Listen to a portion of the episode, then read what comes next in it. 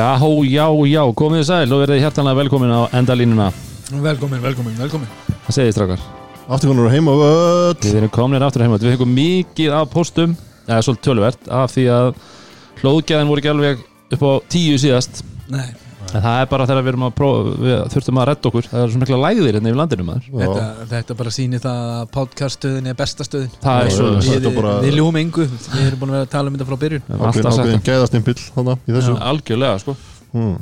Það var bara stótt eftir að við kemist inn í kvöld. Já, svo er það líka það. Við Við- hérna, ætluðum að vera hérna á föstaskvöldi það var spáð svo svakalega vondu veðri að við þurftum að, þurftum að hérna, fresta því fram á, á sunnundaskvöld og hér erum við mættir.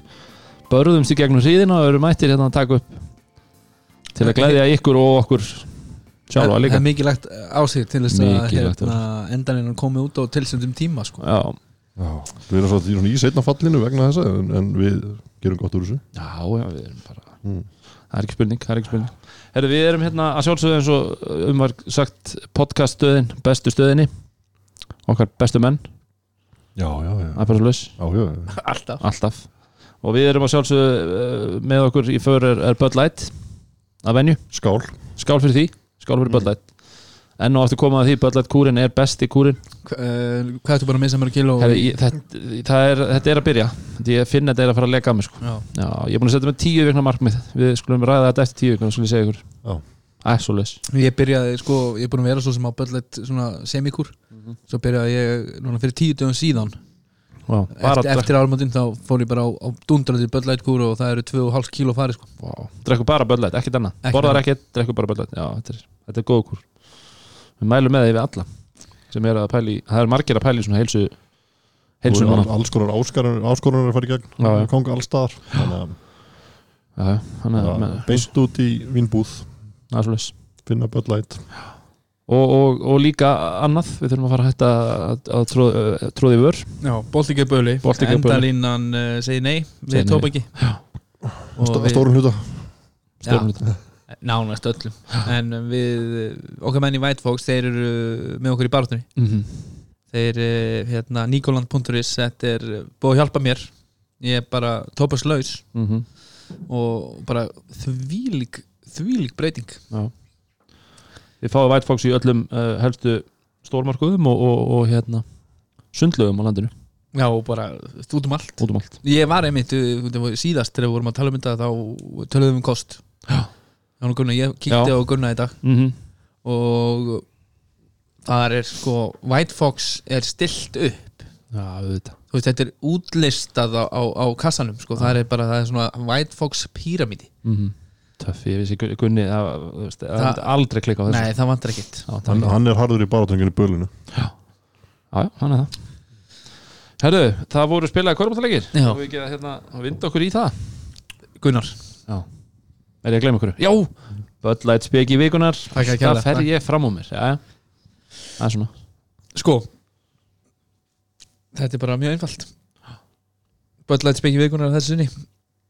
Hefur kannski smá tengingu við mig hérna. Já, Hard work beats talent. Já, and talent doesn't work hard. BOOM það er svolítið svo þess já Þetta, þetta var grjót, grjótart það er bara, er bara hverju orði sannara. Mm -hmm.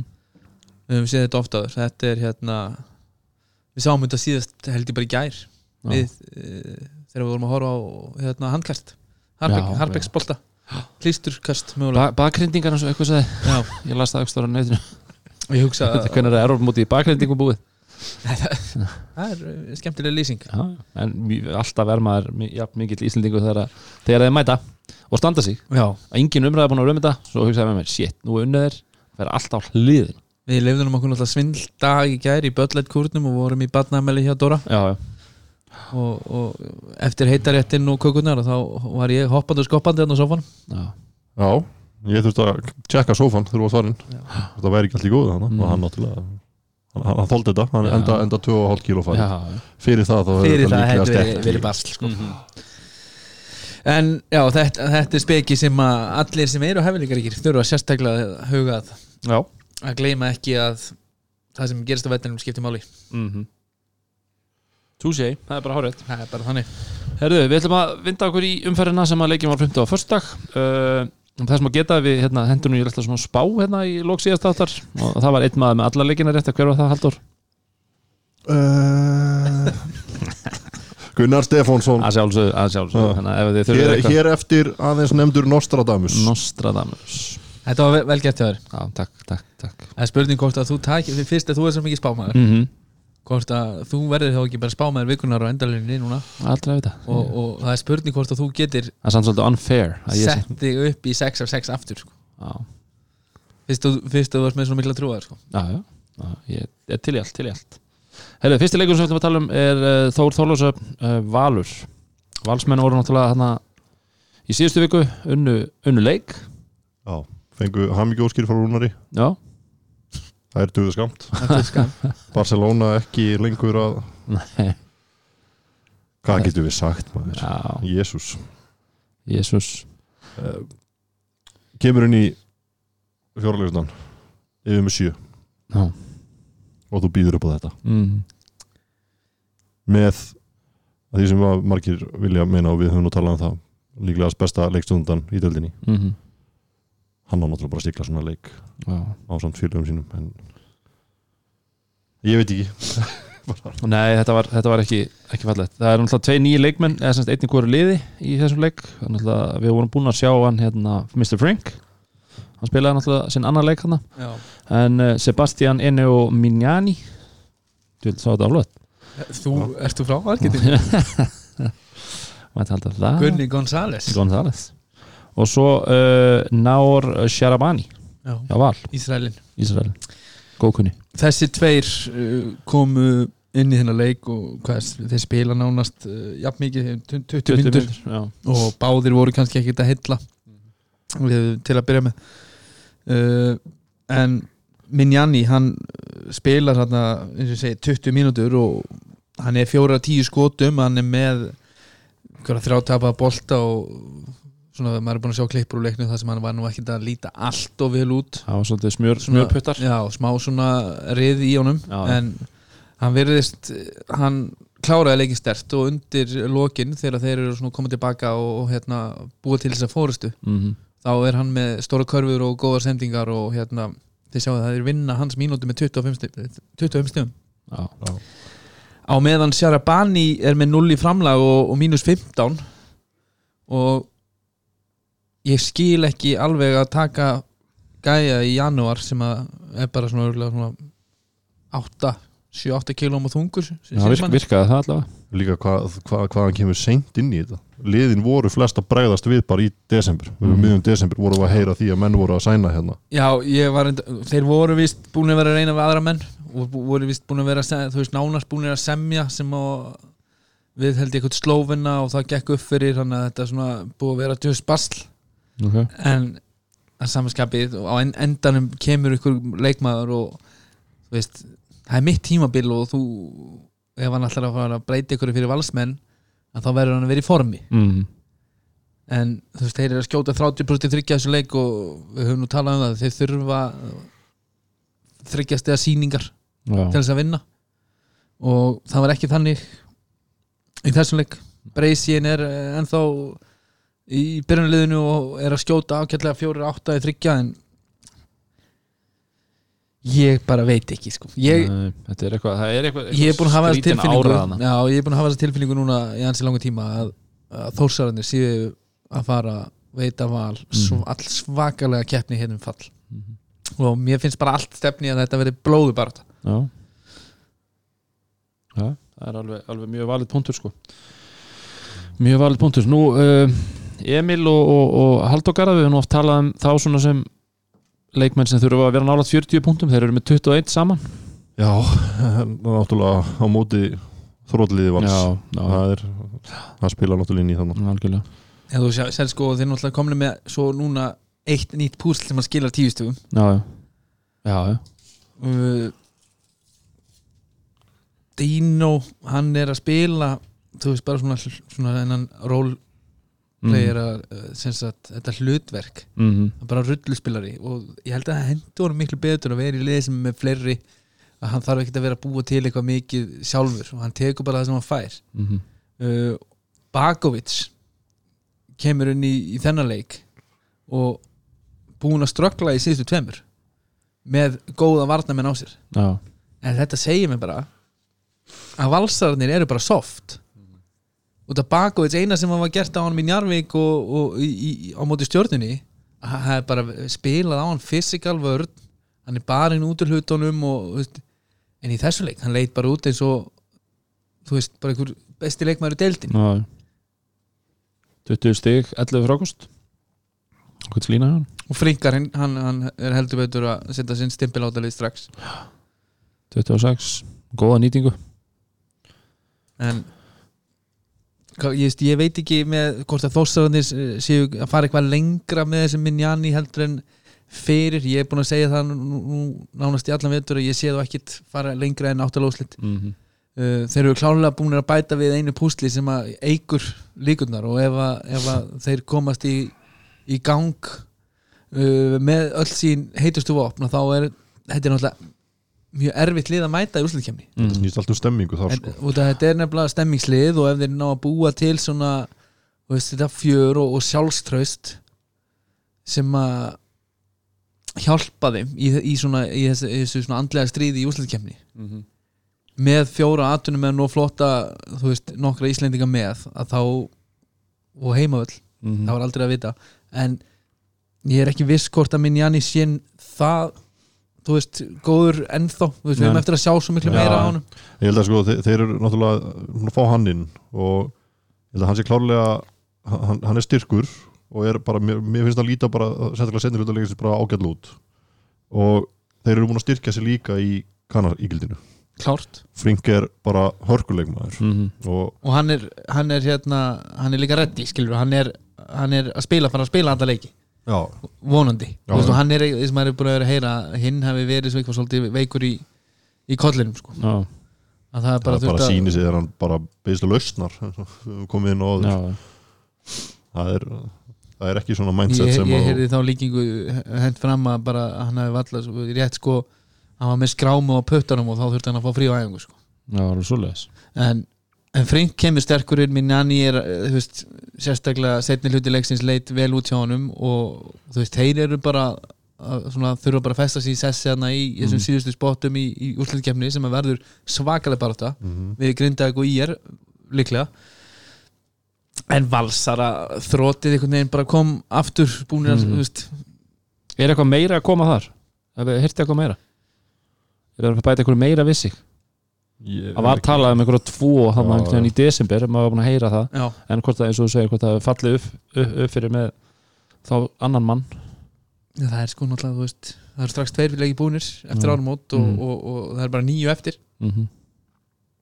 og valsararnir núna búnir að þú veist, þeir eru búnir að spila við fjölni og þeir eru búnir að spila við Þór frá Þólusöp Mhm. sem er ekki topplið að, að hérna, ég sé þá bara ekkert vinna marga leiki í þessari deild. En ef þeir hyrða mannin fyrir norðan? Simons, já, Já, ég held að það væri bara flott púst fyrir þá sko. Já, Þú veist, Alavogi er ekki einhver kanni sem er að fara að taka þetta lið eitthvað lengra. Nei, Svo segi, hann er flottur í, í góðu liði sko. mm maður getur bara verið þessi liðsmaður. En ég held að það væri ekkit vittlust að þeir horfur eitthvað til ég, ég, ég hef heyrt að umbúrsmaðurinn hans hafi haft samband við þá og hann. Já, ok, ok. Það verður frólægt að segja það. En það er bara pæling hvað ætlar að gera í Insight sko, ætlar mögulega þá Pavel meira bara í Insight? Mm -hmm. já, uh, þeir þurfa bara að gera eitthvað. Þeir þurfa að gera eitthvað. Það er bara, Já. en þú veist, eins og við höfum talað um Ítlu Stengriðsson núna í þessu leik eftir frábæran leik síðast hann sp- hann spilar alltaf næstu bara 30 mínútur eða ekki plus, plus mínus Mm -hmm. en þú veist í, í þessu leik hann er, svo, hann er mjög óstöðu sóknarlega og er náttúrulega kannski ekki ykkur go to maður á Mhm. sóknarvelli frábæð varnamaður en Raggi Nat, þú veist, hvað er hann með að, á average í mínútutali í þannig er kannski average er kannski ykkur 12-13 mínútur með til delir Mm -hmm. Hann spilar bara aldrei meira, byrjar inn á en spilar nánast aldrei meira en 15 Nei, og það sem hefur verið að effekta hann oft hefur verið villur, hann náttúrulega fengið mikið á svona, veist, hvað var að segja, sloppi villum eða svona, hann er bara þannig. Já, já. Eh, hann er tvær villur þessum það er ekki eins og villu vandræði hafa hann verið ekki að- villuvandræðan hann. Nei, ég að segja, það hefur ekki, verið- það hefur ekki verið að koma nú á bekkin þá. Það er að þú veist, þú veist ef þið taka til dæmis eins og Simons segjum það, þeir myndu fá einhvern svoleiðis gæja. Og Alavoja myndi þá bara leysa af einhverja tíu mínútur í leik eða eitthvað ég get alveg treyst rakka ég að spila 30 það myndi ekki vera verra en það er búið að vera. Nei, bara staðfestið það sko.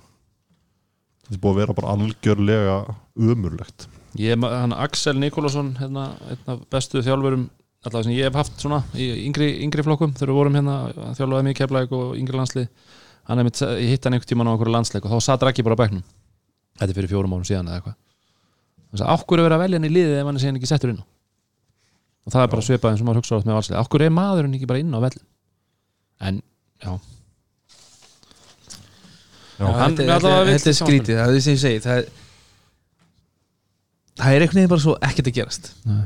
þarna voru þeir á útivelli en þið sáu bara, þú veist, í, í, í þessum risaslag, þú veist, þeir eru búin að tapa sjöleikjum í röð, fyrsti leikur eftir áramót. Mm og maður sá, þú veist, á, á, í nokkrum húsum sko, núna á fyrstu leikjum eftir áramót það eru nýju menn og það er spenna og þú veist, nú er svona fólk að gýra sig upp fyrir play og það er bara búið að vera flott mæting. Mm nema hlýðarenda, það er jarðaför sko. -hmm. leðilegt, mjög leðilegt þannig að þú veist, ég hugsa að sé bara erfitt að búa til hérna, stemningi kringum þetta já. Búker átti frábæran leik á bekknum síðast. Uh var kom til greina sem White Fox svaramaðurinn og var annar tvekja sem við völdum. Já, já, það er bara allt, það er ek, ekkert annað núna sko. nei einhvern veginn eins og þau komur inn á í körbótkvöldi hlýtu bara kjánalega út á köflum sko. mm Já, og bara þú veist, eins og við höfum talað um sko, þeir eru með svo marga sem eru einhvern veginn á svo hægum hraða -hmm. oft lang, þú veist, og margar mínúndur í leik og þetta er svo ólíkt þessu valslið sem að koma upp og var með djöfulgang og, og, og, og hérna, trapp út um allan völl og voru að koma sterkum liðum í, í, í og svo þá voru þeir með mun, mun slakari leikmannahóp sko. Mm og þeir voru að veita mun betri liðum en þeir voru þá mjög mikla keppni með að bara koma inn með þetta, veist, þetta klassiska fuck it attitude, skilur -hmm. já, já. bara lögðu þessi fram já, já. það er bara þetta, það sem við veist, höfum ekki val, séð þetta, þetta, þetta valsliði ennþá þó að Pavel komið þarna þetta, þetta lið hefur ekki unni neitt Meni. og þeir ættu að hafa alltaf sanna nánast allir gæðina sko. já, og manni fannst líka bara svona að, að, hvernig hann talaði sjálfur Pavel þegar hann var að fara að neyfir, þetta var svona challenge sem hann þurfti og challenge Já, sem hann vildi fá. Hann vildi, já, já. þú Veist, nú, er hann, nú er hann heldur betur komin í, í súpuna sko, Og, það, þarf að, og það lítur að sama að gilda um já, og veist, hann er að koma hérna búin að vera áskrifandi að einhverju landslýsæti undarfarið já, hann kom inn. Var hann ekki, hvar var hann, var hann ekki Oklahoma að spila, nei, hvar var hann að spila? Hann spilaði með Oklahoma Sooners. Og svo spilaði hann líka með South Carolina. Game, Game, Gamecocks. Gamecocks? Og svo var hann í Fraklandi í fyrra. Já, hann sér það. Já, þú veist, hann er koma heim. Mm -hmm. og fyrsta sinn sem að við kannski fáum að sjá hann svona, Mhm, þú veist, svona- búin að vera í þessu landslýshóp og svo kemur hann inn í þetta mót svona. Mm, og ég, ég átti vona á miklu meira sko. já. hann hefur alveg sínt gæði en hefur kannski Já, ekki verið, hefur verið stöðu allavega. Ja, akkurat. og hann þarf bara að vera það fyrir þetta lið. Algjörlega, herruðu, við ætlum að vinda okkur í uh, Ólafshús. Haukar Káar, strákar, þetta var ég var búin að segja þetta. Nei, þetta var hérna þetta var svakalega leikur. Ég, sko, mín tilfinning að horfa á leikinn í fyrirháleik, mér fannst að sko Haukarnir að vera svona 30 stjum yfir sko. það liðir. eru hitt almennilega. Já, ég er að segja, þú veist þegar það var option hérna, þegar svo voru hendandi boltanum frá sér á slæmum tímum og svona, þannig að þetta var einhvern veginn jafn leikur fyrir vik, jafnari leikur fyrir vikið ég þegar að taka það pakka það með svona 30 stu káringarnir voru reynd og beint skelvilegir þeir voru arfa slækir sko. Þetta er eitthvað bara grín. Þetta lí, ég skil þetta ekki. Mm. ég var með hérna staðað einhvern daginn að haukar myndi ekki vinna fleiri leiki þegar þeir sk- voru að skjóta veist, í kringum ykkur 17% í. Heru, þeir eru 15% í þessu leik. Þeir eru 5 af 34 í þryggja Já, já. Og þeir vinna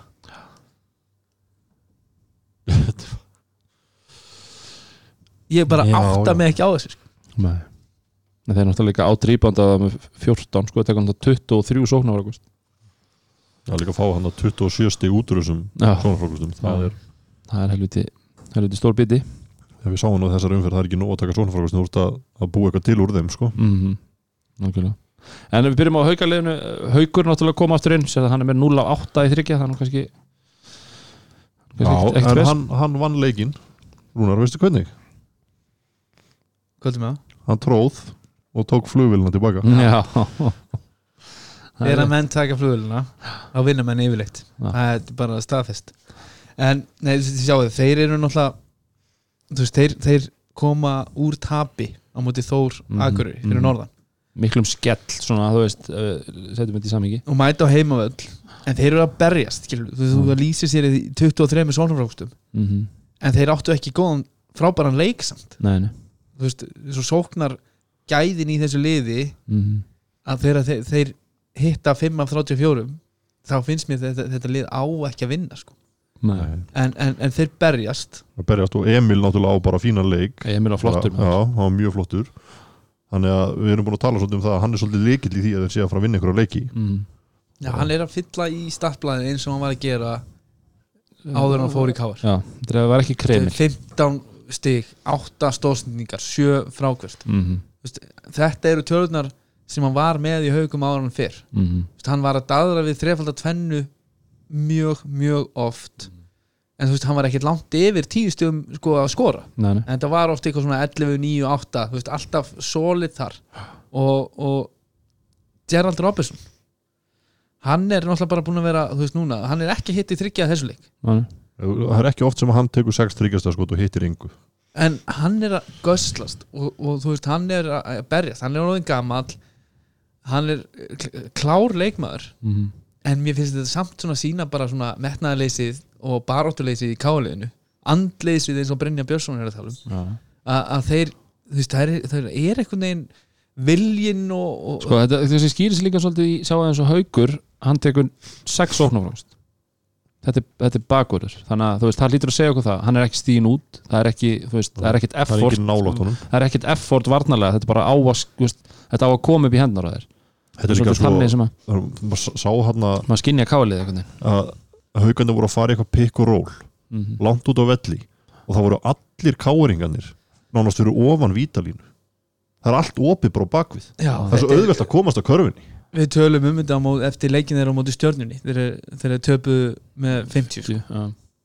að pick og roll vörnin hjá KR er í lamasessi og nú erum við komnir tilbaka eftir jólafrí og þeir spila á móti þessu haukaliði og ennþá, þú veist bara róteringunar færslan á veikuhliðinni Bara staðsetningar og staðsetningar varnamanna eru alveg ömulegar Mm -hmm.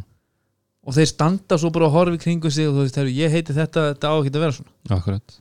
Ég á bara að vinna leiki bara út af því að ég, Nei, hver það, ég er. það er einhvern veginn svona fílingurinn eins og, eins og ég segi, eins og hlutinir eigi bara þetta, þetta, þú veist, að því að þetta er búið að ganga í þessi sex ára hlutinir hafa einhvern veginn smollið á réttum tíma. Það er eins og þeir séu sjálfur bara í þeirri því elementi að það muni gerast. Að þeir eru bara í Leggi- sömu umræðu og er í öllu þjóðfélaginu. Já, en það, það er bara hvenar káringarnir munu munu byrja bara. byrja. Og það var, þú veist, ég fekk þessa spurningu í gær bara, þú veist, hvenar heldur þú að káringarnir Mhm. fari í gang og, og vinni titilin mm þessi auðvitað vantar Jónarnór það Já, vantar já. Koppa og Kristó uh, er að koma tilbaka eftir hérna, veikindin og spilar 15 mínútur. -hmm. þeir vinna hans mínútur með 5 stegum og það voru bara vonandi fyrir, fyrir Káring að hann geti fara að beita sig meira. Uh, en svona overall eins og við tölum um þetta er bara veist, það vantar einhvern veginn vilja og grimd og svona fighting spirit í svona káar lið bara sem Já. lið þá er þetta að svo sko- mikið svona að vera að svekja sig og, og horfa á næsta mann og, og veist, það er erfitt kannski að segja hérna, með 25 í framlega 19 stig og, og 13 frákvöðust. En mér finnst hann einhvern veginn ekki vera sami leikmaðurinn. Þetta er bara eins og við erum búin að tala um. Hann kom hérna bara rosa flottur. Já í bara í betra formi heldur en hann hefur nokkuð tíma komið til landsins. Mm -hmm. svo er bara ekkert. Nei. Þú veist, jú, hann er að skila sínu en hann er að tapa leikum og gerir einhvern veginn ekki, hann er ekki ná að gera alla betri kringu sig og mm -hmm. Þú sér það, þú veist, hann er að vinna Helgi Magg spilar 30 mínútur í þessu leik. Og maður myndi ætla að Helgi Magg sem svona klár leikmaður ætti að geta verið að fá fullt af hlutum auðveldum hlutum þegar þú ert með krejón og þú þarft að vera dekkan hann. Ætti líka að hjálpa þeim varnarlega í þessum staðsetningum og öðru skilur hann ætti að vera sá hann sem er bara svo latur, skilur við, Já. búin að vera fullur helvins jólin. Já, krejón já, bara búin að vera í einhverju ruggli Mhm. og kemur hann og þú veist og þeir líta bara ítl út. Mhm. Þetta- þetta- mér finnst þetta þetta er, þetta er lélegt. Ég veit að það vantar eitthvað í þetta lið. Já, en þeir eru saman fullt af gæfum sem að Já, við vitum að eru góður í körbólta sko. Bara hvernig var Böllhætt speki vikunar áttur? Það var hard work beats talent. beats talent. When talent doesn't work hard. Já, já, en, þetta bara kemur okkur ef, að- ef að talenti sem að káeringarnir eru er ekki working hard þá geta það bara slett þessu. En, við erum að tala um það að það vanti einhverja leikmenn í þetta. Mm uh, og þegar að þeir koma tilbaka og eitthvað svo liðis en við getum alveg nokkurn veginn sagt okkur það að þegar að þeir koma tilbaka þá verður þetta ekki betra heldur en þetta var fyrir árumót þar sem Mhm. þessi gæjar voru að spila. -hmm. og þetta var, jú, þetta var örlítið skárra kannski en þeir eru ekki að fara að gera neitt með þetta. Matti, við töluðum um það henni síðasta þætti það hefði nú verið einhver vísir að einhver í hánum hérna í síðasta leik. Farið. Já, bara 30, Og- og- þessi- 36 mínútur enn og aftur við talum um hann hérna körubólta annar þegar maður var að horfa á hann hérna í liðinu mm og er það ekki rétt hjá mér í fyrra hann svona var svona lala framan að var Hann meittur var- koma hann var, að koma tilbaka og var svona einhvern veginn ekki Já, búin að vera að performa svo einhvern veginn fór hann sagði bara, þú veist, eitthvað bara fuck it. Fór bara eitthvað fuck it mót og var frábær. Þetta var líka eitthvað svona, var ekki Bortse var eitthvað svona, að var að vera að spurja neitt í viðtölum eftir leik hérna. Og hvenær kemur Matti aftur? Ég veit ekki, ég bara, veist, veit ekki neitt og þetta var eitthvað svona mjög, eitthvað svona og þetta var mjög skrítið en veist, hann einhvern veginn fór bara í eitthvað svona mót skilur bara, Mhm. fuck it, ég ætla bara að fara og spila körubólt, var Mhm. gaman að því og var frábær. Frábær. Aftur í þetta Matti. Akkurat, akkurat. Kári uh, hann var þú veist 13 stig, maður, það er greinilega að plaga hann, það er, maður sér það alveg á honum veist, þetta er bara nákvæmlega sama og, og við höfum verið að sjá ú, ú, í síðustu leikjum. Mm. hann er að skora þetta rétt upp úr tíu stegum og, og hérna veist, hann er að reyna að búa til og, og hérna mér finnst hann gera ágætlega í þessu leik með 6.000 og 10 fiska villur. Mm. Já, Og þeir- tíu fiska villur og tekur bara fimm víti. Já, þetta er alltaf snemma í leiklutunum. En ég veist styrkleika merki fyrir hauka að vinna þetta kálið er samt bara veist, það, það, það, þið taka það mjög jákvæða tónsuleik Já. að, að spila ekki betur en þetta Mm en ná að venda heimavöllin Ólaf Salur virðist vera bara einn besti heimavöllur á landinu. Mm. og, og, og hérna bara frábært. Og, og Flennart er svona, virðist vera að komast í eitthvað svona aðeins með stöðugur í gýr núna. Mm.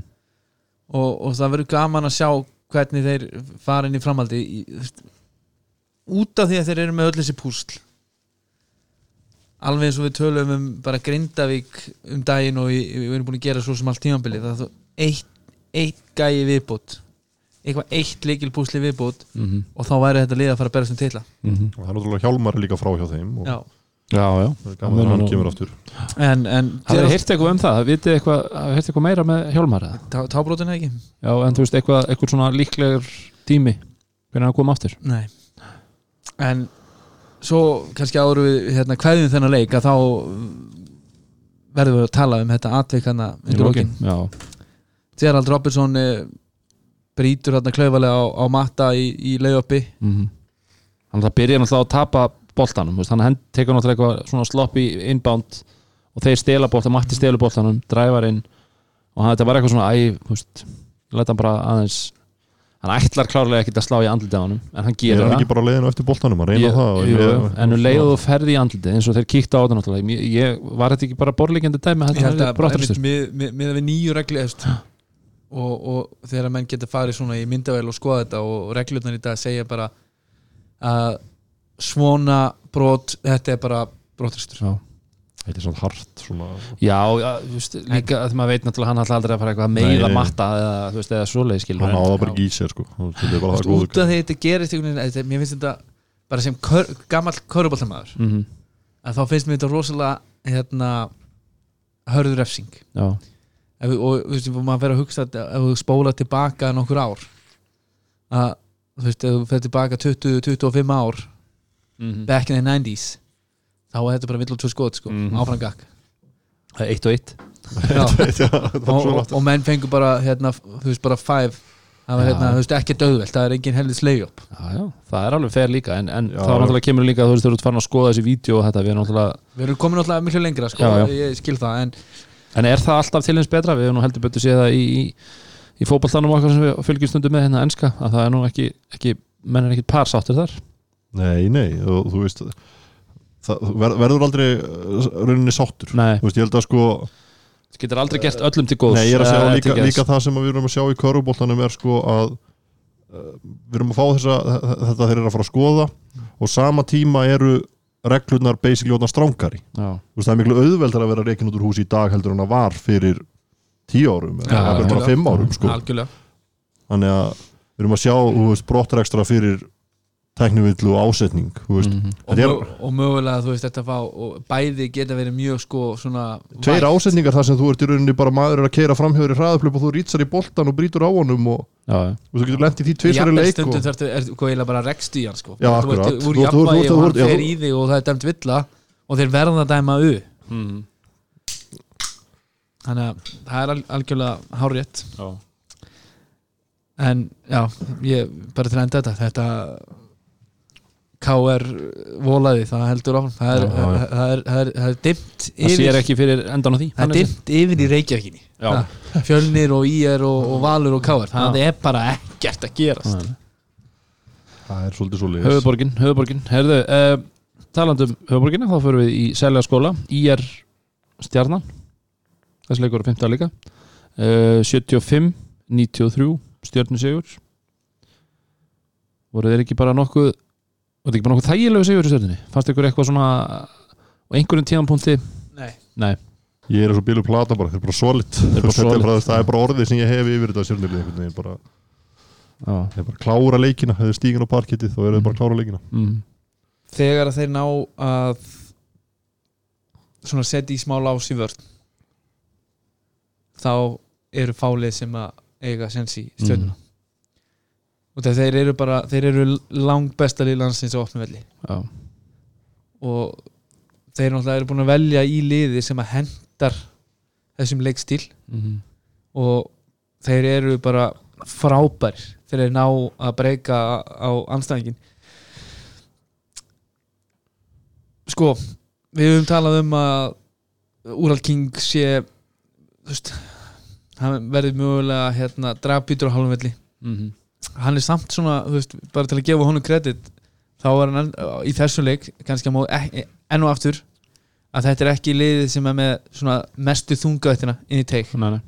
En hann er að posta menn upp og taka húkin og setja þetta og, og, og meira sér spott upp svona midrensinu og, og setja þessi skot líka. Mm, þá er, er mjög erfitt að eiga við hann. Já, uh, en mér finnst kannski þú veist ann aftur með stjórnuna. Það er mjög erfitt að miða eitthvað við þennan leik.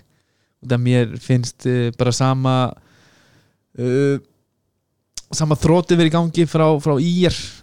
Framhald á því sem var í Keflavík framhald á því sem var í Njarvík Mm. og þeir koma heimavöll og, og, og breyta engu. Mm, þetta er bara töluðum um hérna Bojanov í þessum systemi með Roberto og, og Mm. Singletary. Liðið er bara orðið verra en það var mm, áður en Roberto kom heim sko.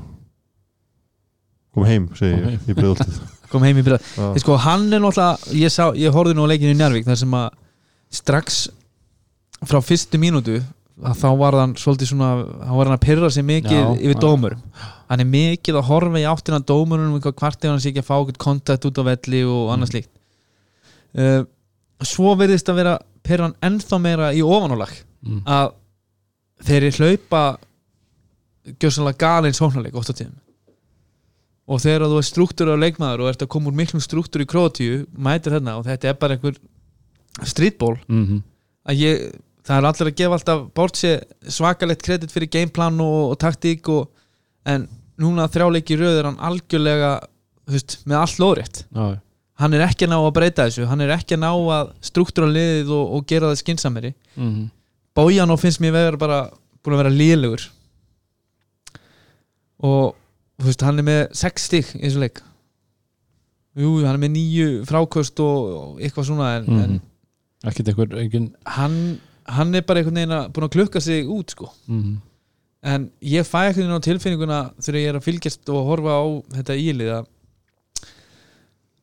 Íslendingarnir þeirra eru gjörsanlegir non-faktorar og ég held, mér finnst eins og bara samsetningin á liðinu mm. sé bara búin að sjúa allt sjálfströst og alla trú úr þessum íslensku strákum Mm.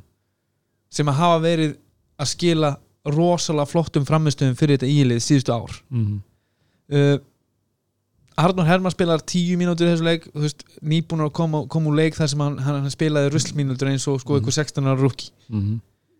þetta er, þetta er hluti því sem að mér finnst líka við þetta að Borsi er ekkert með á hreinu hvernig rótiringina sér það er, það er mjög, mjög svona rokkandi. Arnór fer úr því að spila 0 mínútur upp í nála 20 Mhm. niður í 2, upp í 10 mm.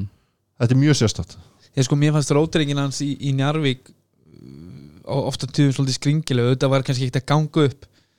En, en þeir voru samt en, þeir voru, leikunum var kannski ekkert farin en, en á lang, löngum kapla þá var hann bara með alla sína bestu menn út af. Mm. eða marg allavega. Uh, svo í þessum leik þú séð að þú veist, hann kastar einhvern veginn kannski ekki hanglaðinu en hann er, hann er það er koma hann leikmenn inn sem að þú veist eru engin nöfni þessari deildu er að spila mínútur Mm.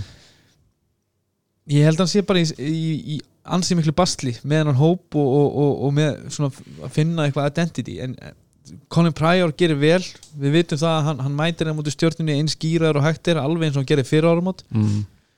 Þetta er auðveldur leikur fyrir hann til að mótjóra sig og, og bara kredit á hann. Hann, hann hérna skorar 8 af 16 uh, með eitthvað fjögur þryggjast sko, sem hann hefði mátt sleppa en, en hérna svona lala leikur. Já, þeir tapa náttúrulega með 20 stugum mm.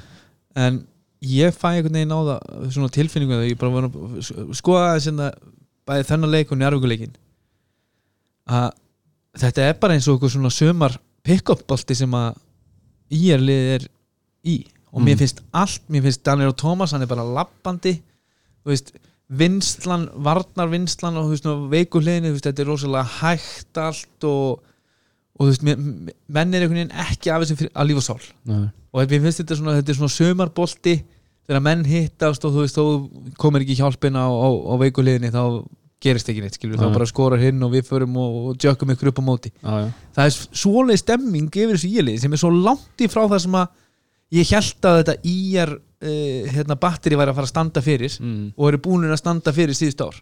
En það er bara það sem er í gangi núna. Þetta er bara svona bara hrikalega nú slátt. En stjórnulegstin okkur Dóri, hún, hún rúlar áfram? Hann bara rúlar og náttúrulega tölum úrald á hann frábæri sem leik og ægir heldur bara áfram. Mm. bara flottur.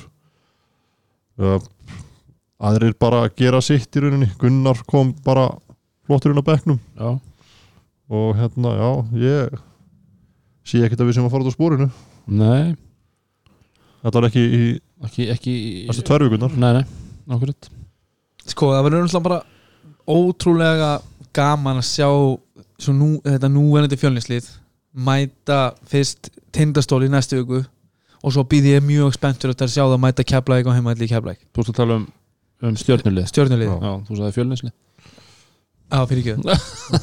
Rétt skal vera rétt. En ja, þeir eru með svo marga fjölnismenn Það er enda rétt, ég fór að hugsa því að þeir eru Attu og Ægir og Gunni Óla og, Já, en hérna þú veist, þeir líta fáránlega vel út. Og Mhm. þeir geta verið, að- þeir eru að fara í gegnum þessar fyrstu tvo leiki núna eftir álmót bara í svona, þú Svona, veist, bara einhverju svona gýr algjörlega þú veist, þeir, þeir eru kannski ekki frábærir eh, svona, þú veist, allan leikin en það er nóg fyrir þá að setja í lási í einhverju nok, hérna, nok, taka nokkuð stopp mm. og í gjörsanlega ganga frá anstæðinum bara á opnum velli og, og hérna veist, þetta var aldrei spurning þessi leikur Nei, en það kemur próf veist, í, í næsta leik Já, og, og tindastóll næsta föstudag mm. það Það er risa, svaka það er risa próf á þetta, þetta stjórnulið með Mhm. úrvald Mm.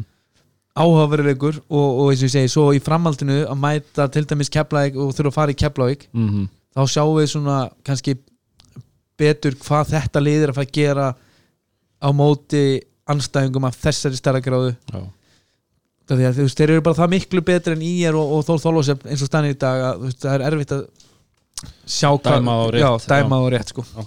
hinn þurfa að hitta gjörsalega á bara sinn besta leik til að já, eiga möguleika. En þeir eru bara, þú veist, þeir eru svo breyðir og þeir eru að fá framlega þú veist, úr svo mörgum áttum við sjá að Hlinur er að spila 25 minnur þessu leik með, Með tvö vítalínu 12 frákvöst veist, hann, hann er bara komin í það að hann getur bara verið svona einhver andlegu leiðtói í, í svona leik og hann þarf ekki að gera neitt.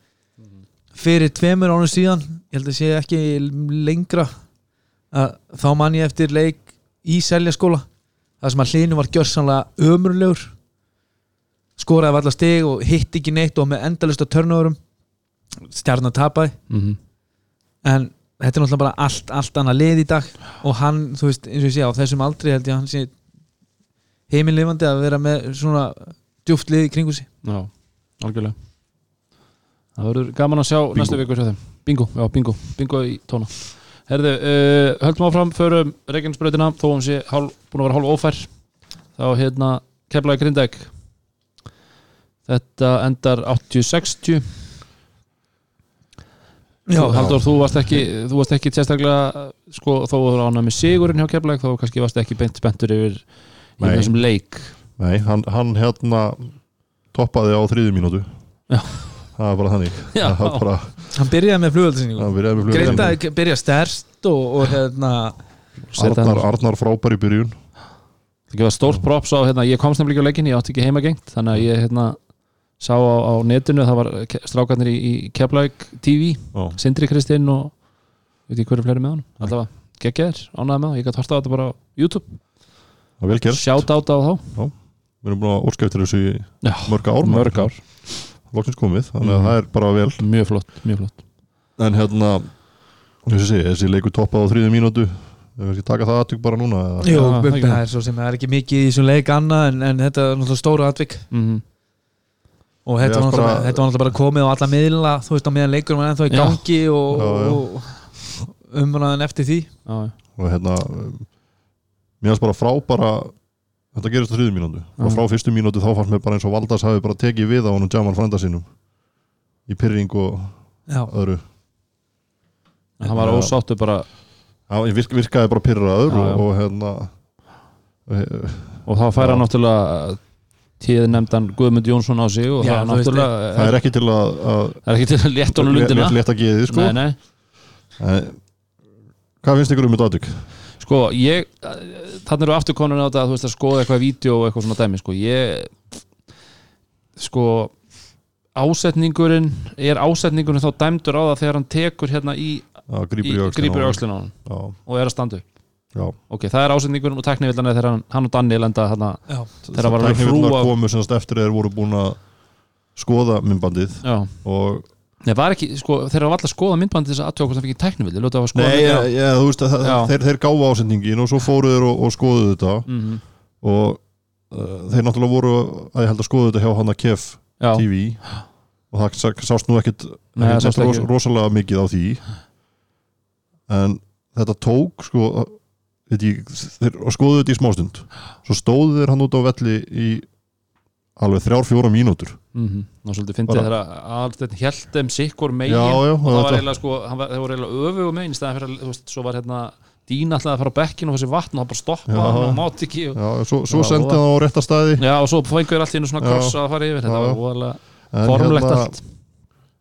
Já, en ég held mér, sko, mér fannst þeir bara full fljótir að, að flauta hann ásending.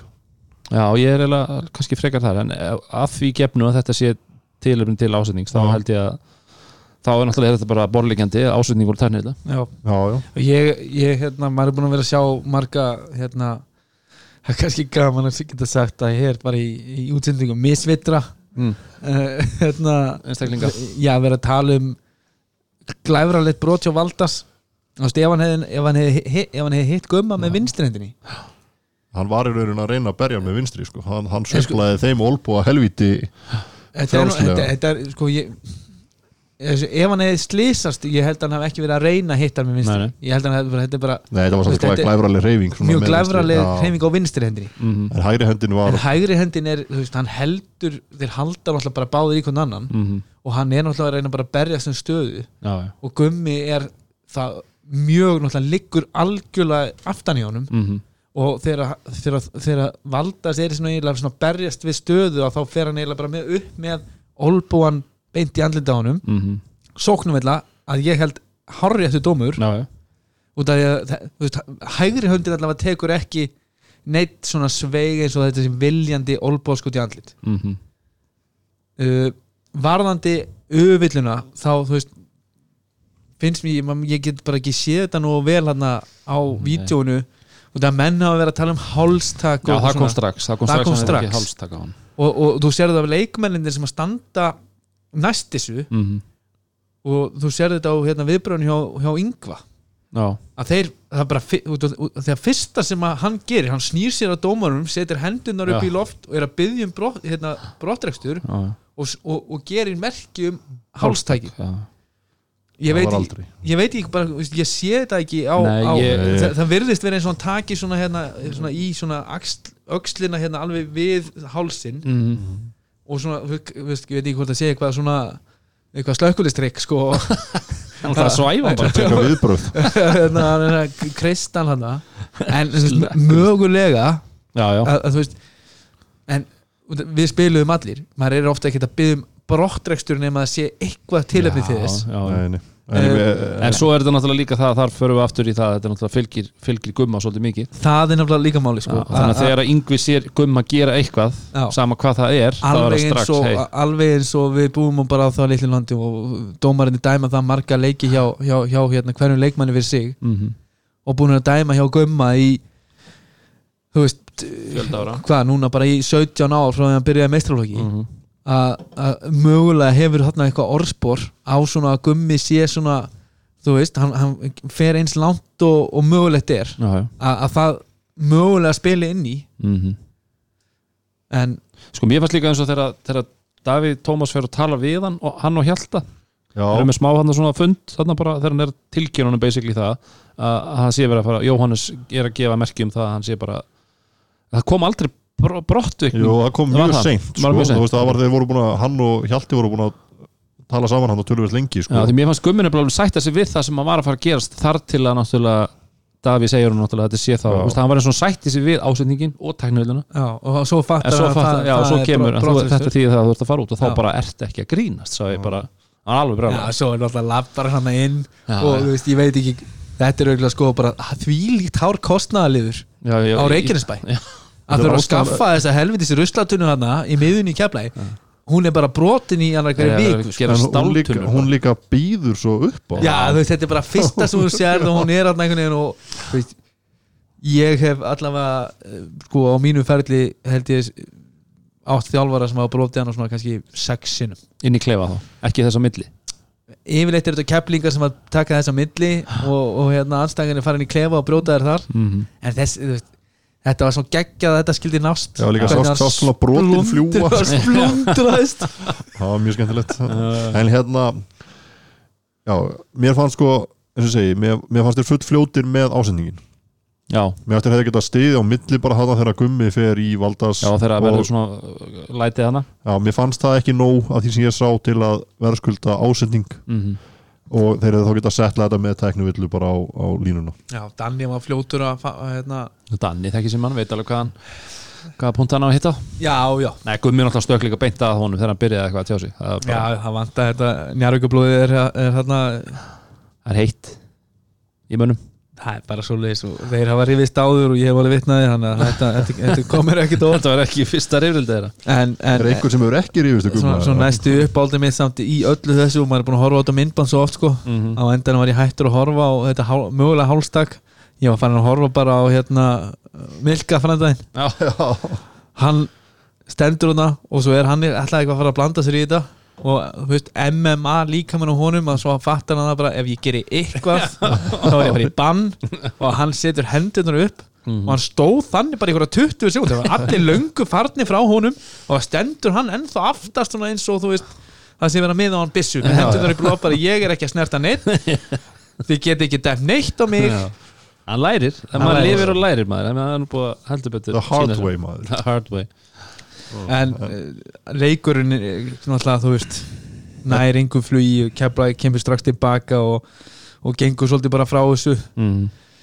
uh, grindvíkandi fá, fá liðar náttúrulega án, án hérna Ólafs að vera sem að Mm er vantilega rekin Er farin, já. Farin og, og, og hérna Yngvi og Sigtryggur hafa náttúrulega svakalega mikla sóknar hérna ábyrð báðir eru, eru undir 40% í, í, í skotum og, en skora þarna saman 35 stig mm -hmm. þeir hefur þurft að skora svona 55 til að eiga möguleika en, Það fengu ekkit frá Valdas en Valdas er náttúrulega þú veist kannski, þú veist bara einn þarna á móti bara, þú veist einni bestu varnarframlínu í, Mhm. í íslensku korfbólt í dag með Milka og, og Dín og hérna og svo eru komið með Kallum líka þarna sem er, þú veist, hann er hávaksinn og þú veist, hoppað? og þeir geta hjálpað og þú veist, þeir eru bara djöfull erfir eiga við í vörn, kemlingarnir Já, já, og þetta sko, við erum búin að sjá Dín Viljáns eiga góða leiki í vetur en þetta var held ég svo allra besti. Já. Þetta var algjörlega frábær í þessum leik. Mm. og Milka bara heldur áfram upptegnum hætti. Og þeir fá tvö stig frá Kalíl Já, og það kemur ekki að sök nei. Það er með svona magnavit að kefla ykkur lið að þeir eru með þessa þrjá útlendinga og það eru alltaf tveir af, því, tveir af þeim sem performa. Mm. Nú, erum við náttúrulega konum með fjóra. Já, ég er að segja fjó, þú veist, Já, já, þess, já. þessa þrjá sem við erum búin að vera með allt þú veist, það er alltaf tveir af þeim sem En performa var, í öllum leikum hvernig fannst þér uh, Khalil, svona þá er ég að meina uh, fannst þér hann uh, skiptið hann máli að skora bara tvö stygg? Nei, Mér fannst hann ekki sem að getur verið góð kostur Já, líka. Þú veist að, að vera ekki að að hengja sig á það að þú, þú performar ekki en liðið er að vinna. að liðið er að vinna. Þannig að mér, mér, mér, mér fannst það mjög ákvæmt góð tekn þar. Allan ég sá, sá ekkert svona í hans fasi eða neitt svona sem að Nei, maður, maður sá sagði, það sagði neitt ekki annað sko. Nei, maður sá það ekki með þetta. Þannig að mjög, mjög ánægum með það. Mhm. Það er líka Maggi trösta Já, maður tók eftir í að hann var á vellinu núna. Setur hann að tvö, af þreymur skotum hjá sér Mhm. og bara, já, ég segi, ég bara, maður tók eftir í hann var á vellinu vill meira frá honum Klart, já, bara, þú veist, alla, allavega það að maður taki eftir Já, að að hann það, sé á vellinu, já, það, er, það er, hefur ekki verið þannig núna síðustu leiki. Maður heldur mikið upp á hann strák hann, er, þannig leikmaður líka. Svo Gústi kemur inn og hann tekur skot. Mm og það sé ekki hitta þeim, hann tekur þrjú skot það er bara bara framför. Hann var, hann var svolítið svona hvað er að segja, bara svona heiminn við að skjóta Já. oft fyrir ármót já, það er bara Retsi spilaði, það var eitthvað við varum að hafa ágjörð af því að þessi nýjameðsli hans í síðasta leik mútið tindastól hefðu þetta greinlega var ekki ekki mikið. Ég kemur inn og, og hérna svona, setur þrjá þrista og veist, þeir þurftu náttúrulega bara ekkert mikið til þess að vinna hann leik. Nei, nei, þetta þeir var fá bara stig hérna frá, frá Milka og Williams og Hössi með 14 stig. Mm. þessi góður. Og, og, og svo eru svona hinir að setja eitthvað smá í púkið. Mm. og þetta var bara nóg til að vinna þetta grindagulegð á þessum degi. Og, og þegar keflaði spilar þess að frábæru vörn og heldur grinda ekki 60 stum það er ekki breyk En Grindaði klárlega er að leita sér að Danni talan það við til bara þegar nú er að leita manni ekki? Það uh, hlýtur að vera einhver, einhver von, á, von á sendingu bráðum. Bara verða, þeir verða að taka tvo. Ég býst ætla ekki við því að þeir allir bara svona að hefur gefist bara upp og nei, þetta bara með Valdas þannig að jú það er náttúrulega klárt að þeir séu að bæta við sig.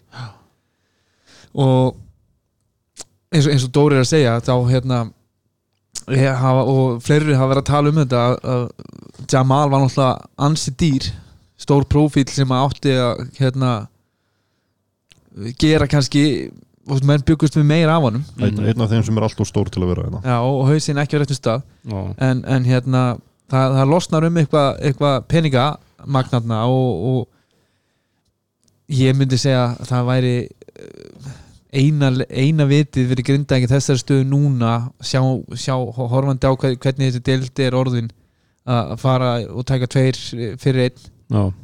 Og, og vonandi bara fyrir Danna að- að hann, hann nái því í gegn og finni tvo frambærilega leikmenn til að koma og stiðja við þetta lið. Mm það, það er fullt af góðum púslumann það þið sjáuð uh, sko ég á mér langar ég meira frá Óla Óla mér finnst hann vera búin að vera í svolítið lægð.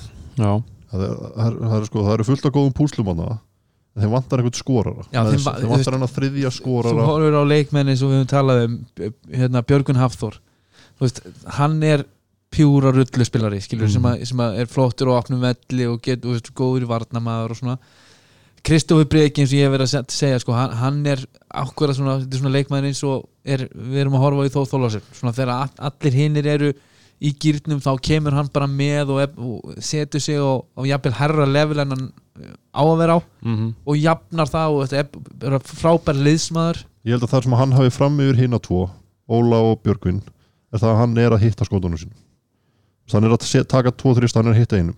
Hann er yfir að hitta yfir 40% held ég svona í þessum leikjum sem hann hefur verið hvað bestur í. Já, en hann spila samt 17 mínútur í þessu leik og Já. eina sem hann gerir er að, er að poppa þessum tveimur þristum já, já, en, það er en, alveg en, satt. en á móti þegar, liðið er spila betra- já, já, en þú sérð meira frá hann þú sérð að hann er að taka sóknarfrákust hann er að taka varnarfrákust hann er jafnvel að stela boltum og, og svona tikka þessi fleiri þætti á, á staplaðinu já, Mhm. þegar liðið er svona einhvern veginn helstefstara og liðið er að spila betur. Að þá líður þessum leikmönnum sem eru, þú veist, klárlega ekki þú veist, á hæsta kaliber í þessari dild, þá geta þeir spilað á aðeins herra leveli svona innan þessa liðs. Mhm. þeir eru með marga svoleiðis. Þeir eru, já, þeir eru með fullt að, já, nokkra svoleiði skæja og, og hérna þeir þurfa tvo flotta leikmenn. Uh, líkunar á held ég að þeir, takja vantilega inside mann og jafnvel bara point guard þar sem við, dagur viðist ekki vera á leiðin tilbaka. Já, og, og veist, þá er aftur þá getum við talað um aftur hversu langt getur grindaði náð, en það fer náttúrulega bara rótrúlega mikið eftir gæðunum á þessum tveimur leikmenn. Já, algjörlega. Já, við setjum punktinn eftir þessum leik með þessum orðum. Punkturinn, já. Punkturinn Já, við höldum áfram, þá erum við komnir á uh, föstudagsleikina. Tvei leikir á föstudeginum. Uh, fyrir leikurinn eða sem að var samt í rauninni bara eiginlega á sama tíma. Já. og var senkað vegna veðurs enn enn að ferðina uh, þess að læðir er að gera út af okkur uh, var leikur Fjölnis og Þórs Akureyris. Þórs Akureyris, Þórs Akureyri. Já. Þetta var einn spennandi korfballleikur já. Já, sviftingar miklar. mikla sviftingar. Fjóru sinni jamt. Já, og átján sinnum skiptust liðin á fórustu það er magna Þetta var sérstaklega fram og tilbaka þarna í setnáleiknum já, Já. náttúrulega þeir fóru fram úr hann í byrjun Já, þórsararnir og Þórsarni ná strax að bara hann einhverju 15 til 17 stöða fórustu held ég hérna bara strax á fyrstu mínúðunum mm. en fjölinsmenn vakna og koma tilbaka og ná, ná fórustunni hérna fyrir hálfleik, vorum við hvað, 5 stiga fórustu held í hálfleik. Já. 52 stig í, í fyrirhálfleik mm -hmm. og hérna enn og aftur uh, fara þeir í, í fara þeir þá leið að fara í svæði og, og treysta á svæðisvörnina. Uh, mér er svo magnað að þú getur ekki drilla liði til að spila þokkalega maður og mannvörð hvernig getur þú drillað á einhverju Sveðisvörn þokkalegri svæðisvörð bara ég, þeir eru einhvern veginn bara meira vonast til að koma hérna anstæðunum úr jafnvægi og, og þeir þurfa að taka skot sem þeir vil ekki taka og, Mhm.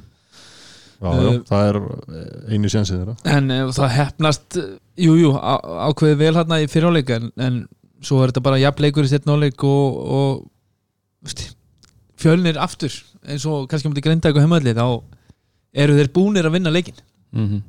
þeir voru bara, þegar mér fannst þegar þeir fara í stöðunni 93, þeir komast til 93 89 Já.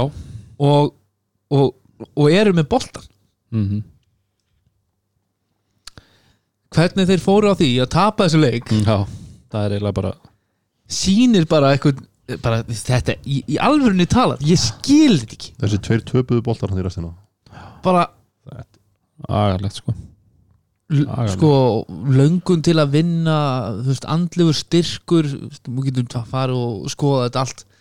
Það er eitthvað bara þú veist, þetta er bara stórfyrulegt Ná, Þetta er bara eitthvað sálrænt þeir eru, sko, þeir eru að fá á sig 93 stig rúm að meðaltali í leik. Mm -hmm. þá skiptir yngu máli hvort þú sett með tvo stigastu mennin í dildinni Nei, það, það bara býtar yngu sko. en, en sko á endanum gera þeir eins og, eins og ég er að segja, þeir gera nánast nóg til þess að vinna leikin Mm þennan leik, þennan körubáltaleik þá gerðu þeir nóg. -hmm. en, en með einhverjum ævintýralega lélugum ákvörunum og, og veist, þetta er svo soft þessi turnover og þegar þú ítsaði með hann hann eftir innkastið. Mhm. Bara slá hann á höndanum á honum og og svo hann er einhvern veginn bara svona fyrir með boltan réttir þeim einhvern veginn boltan mm Motley gerir reyndar sko vílíkt vel með sendingunni. Já, já. Veist, víli, þetta var, þetta var geggju, geggju sending sem að býr til þess að þetta, þetta snögga layup sem Mhm. þeir fengu. Sem þið þurftu og þurftu og svo stóði Anovits mm veist, að dripplandi hann eitthvað þú veist, láttu bara brjóta á þér. Hann, Það er það sem hann hlýtur að hafa verið að býða eftir. Hann var að býða eftir að það er brotið á sig eða fattið mig, þú veist, þú veist það sem leiksunandi stundum náttúrulega veistu bara að það er að fara að koma það er eitthvað að fara að brjóta þér. Og þarna var ákveðið einhvern veginn svona tímapunkturinn sem að þú myndir búast við í, ekki satt? Ta taktu þér bara stöðu Já, og haltu já. driplinu látt og þú veist, stjórnaða boltanum og, og, veist, og þröngvaða mannin bara til að brjóta þér. Uh ekki drippla þarna líka sko. Þú striplaði þá fram á við já, já, og einhvern veginn, missir, missir boltan frá sér og stígur yfir línuna og þetta, þetta var svo lélegt. Já, það var alveg skelvilegt en leið og hann misti boltan mm -hmm. þá voru þórsar að fara að vinna hann leik allan daginn. Mhm. fjölnir að treysta á völlin, eða vörnina maður. Það er, já, það var ekki, það er ekki, ekki ávísun. Það er nei. Það er ekki gild ávísun. Ég var bara til í að renni við það bara að taka yfir tölfræðina hversu oft lið hefur skorað undir 20 stígum í leiklut á múti fjölni. Bara sjá bara hvernig svo tölfræði kemur út. Mhm. það hefur ekki verið ekki oft. Eins og sjá, svo bara, þú veist, svo reynsaði bara völlin þeir láta hérna Terrence fá boltan upp á topp. Og Terrence var ekkert búin að þú veist, sem spilaði 31 mínúndu og, hann er alveg ekki sérstaklega góð auglýsing fyrir NBA draftið, þessi maður, fyrst að hann var draftaður. Nei, sko, þú veist, nei ég minnst hann ekki, hann heitla mig ekkert eitthvað svakalega sko. þú veist, mér hann, finnst- hann, bara sjálfströst laus bara. Hann sé hann heldur er að keira á körfuna og er, er að komin bara ofan í körfuna næstu því, þá hendir hann honum út í hotn mm. það gerast, það gerist einhvern tíma þrís og fjóru Já. sinum í svona leik. Ég, ég spilaði á mótunum þegar hann var í FSU og hann hefur þú veist, svo mörg vopn. Hann Já. getur nánast gert allt. Og búið sér til körfur eins og hann gerði þarna undir lokin hann er að ég, ég held að geti verið í betra formi þú veist Já. bara svona líkalvægt atgerfi gæti verið öllítið betra. Ég held að það myndi hjálpa honum. Hann er svona þa þannig leikmaður. En þú veist, hann reynsa bara völlin fer á Victor Moses og þú veist, fer í jújú, jú, erfitt skot. En svo bara kjötar hann til rýfur frákastið og leggur hann í og skilur eftir 0,2 sekundur Mm. þetta er bara svona, þú veist það er eins og þetta hefur verið teiknað upp hérna þetta fjölnist tímanbíl, þú veist, það bara gengur ekkert. Nei. og veist, eins og svona leikur aftur, búin að vinna leikin nánast eins og mútið grindæk en þá fara þeir í ykkur bara gjörsanlega sko klikkuð turnover. Mm og þú veist það er erfiðar að tapa leiknum heldur en að vinna. En kredit á Já, það- algjörlega, algjörlega. sko, þeir mæta þarna útvöll á móti fjölni Mhm. Eftir sem allir, sem allir segja að séu fallnir eftir erfið að ferði í bæinn líka og veist, þetta er og, og það eru allir að tala um að hérna, bara, já, fjölnir eru fallir það auðvitað er ekki hérna, tölfræðilega séð fallnir Nei, nei. en, en, en það er svona hljóðið í öllum sem að fylgjast með íslenskum körubólta að fjölnir fyrir þennan leik þá voru samfallir Mhm. og við vorum sammála því uh, en það er oft svona þegar þú ert komin á þennan stað að þú, veist, þú ert eiginlega, eiginlega bara fallin Mhm. að þá einhvern veginn svona fara hlutir að gerast uh, ég hef ekki oft séð lið tapa en vera með 20 fleiri framlasti heldur en hillið þeir eru með 116 framlasti fjölnir móti 96 en tapa sannlega ég held að það er ekki, það er ekki algjör er ekki algengt því að vanalega helst þetta svolítið í hendur sko. en það er svolítið magna sko ég, ég, bara, ég, ég, ég bara skil ekki ennþá hvernig þeir fóru að tapa þessu andur til lókin en þessi sigur fyrir deildina hefur miklu meiri þýðingu heldur en ef að fjölnir hefur unnið leik mm. þá hefur við bara basically verið búin að sjá tvölið já þá eru bara tvölið fallin hérna bara í byrjun januar en núna eru þórsarar í dauða færi á að fara að blanda sér í þessa baróttu að fella að ég held valsmenn Mm. þetta er challenge að það klárlega núna sko. þú veist, ef að ír fer ekki að hérna, sína annan brak þá gætu þeir sógast þarna niður sko. kannski En- ekki alveg svona uh, heldur það hvað eru þið með mörg stig í hérna þeir eru, með, eru ekki með 10 eru ekki með 5 eða 8 sko valsarðin með 8, þórsarðin er komin í 6 Já. ég held að og þóru á eftir að spila bæði á móti ír já. og á móti ég er með 12 stig þeir eru komin með 12 já. eru með 12 ég og Þór Þórlarsson eru jöfn með 12 stig 7. og 8. seti Grindavík með 10 stig þar kemur annar lið sem getur mögulega svo sniður að þið fá ekki, fá ekki þá leikmenn sem að þið þurfa. eða þann eða þá. Svo Valur 8, Þór Akureyri 6 Fjölni 2 En þessi, þessi leikir hérna innbyrðis Mhm. frá, frá sæti 7 og upp í 11 mm -hmm. þetta eru risavaksni leikir núna á næstu tveimur mánuðan Já, það er klart mál Já, herru, ok, þá er það bara síðasti leikurinn, það var á Söðakróki, þar fóru Má Njarðvík ég koma með einn punktu er með það? Uh, sko uh, tveir, tvö, tvö atrið sem ég vil fá minnast inn á. Mm uh, hversu slæmt það er þegar þú ert að fara í tvo úrslituleiki Já, og þú byrjar báða með að hleypa heimiliðinu 15-20 stundum frambúðar mm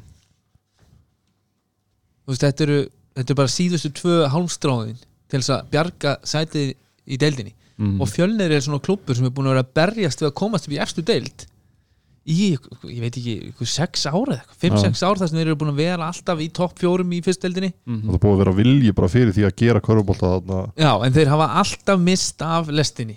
Einu sinni var það mér að kenna Mhm. en hérna að við slóum það út í undrúnslunum þegar þeir voru liðið sem átt að fara upp. Mhm.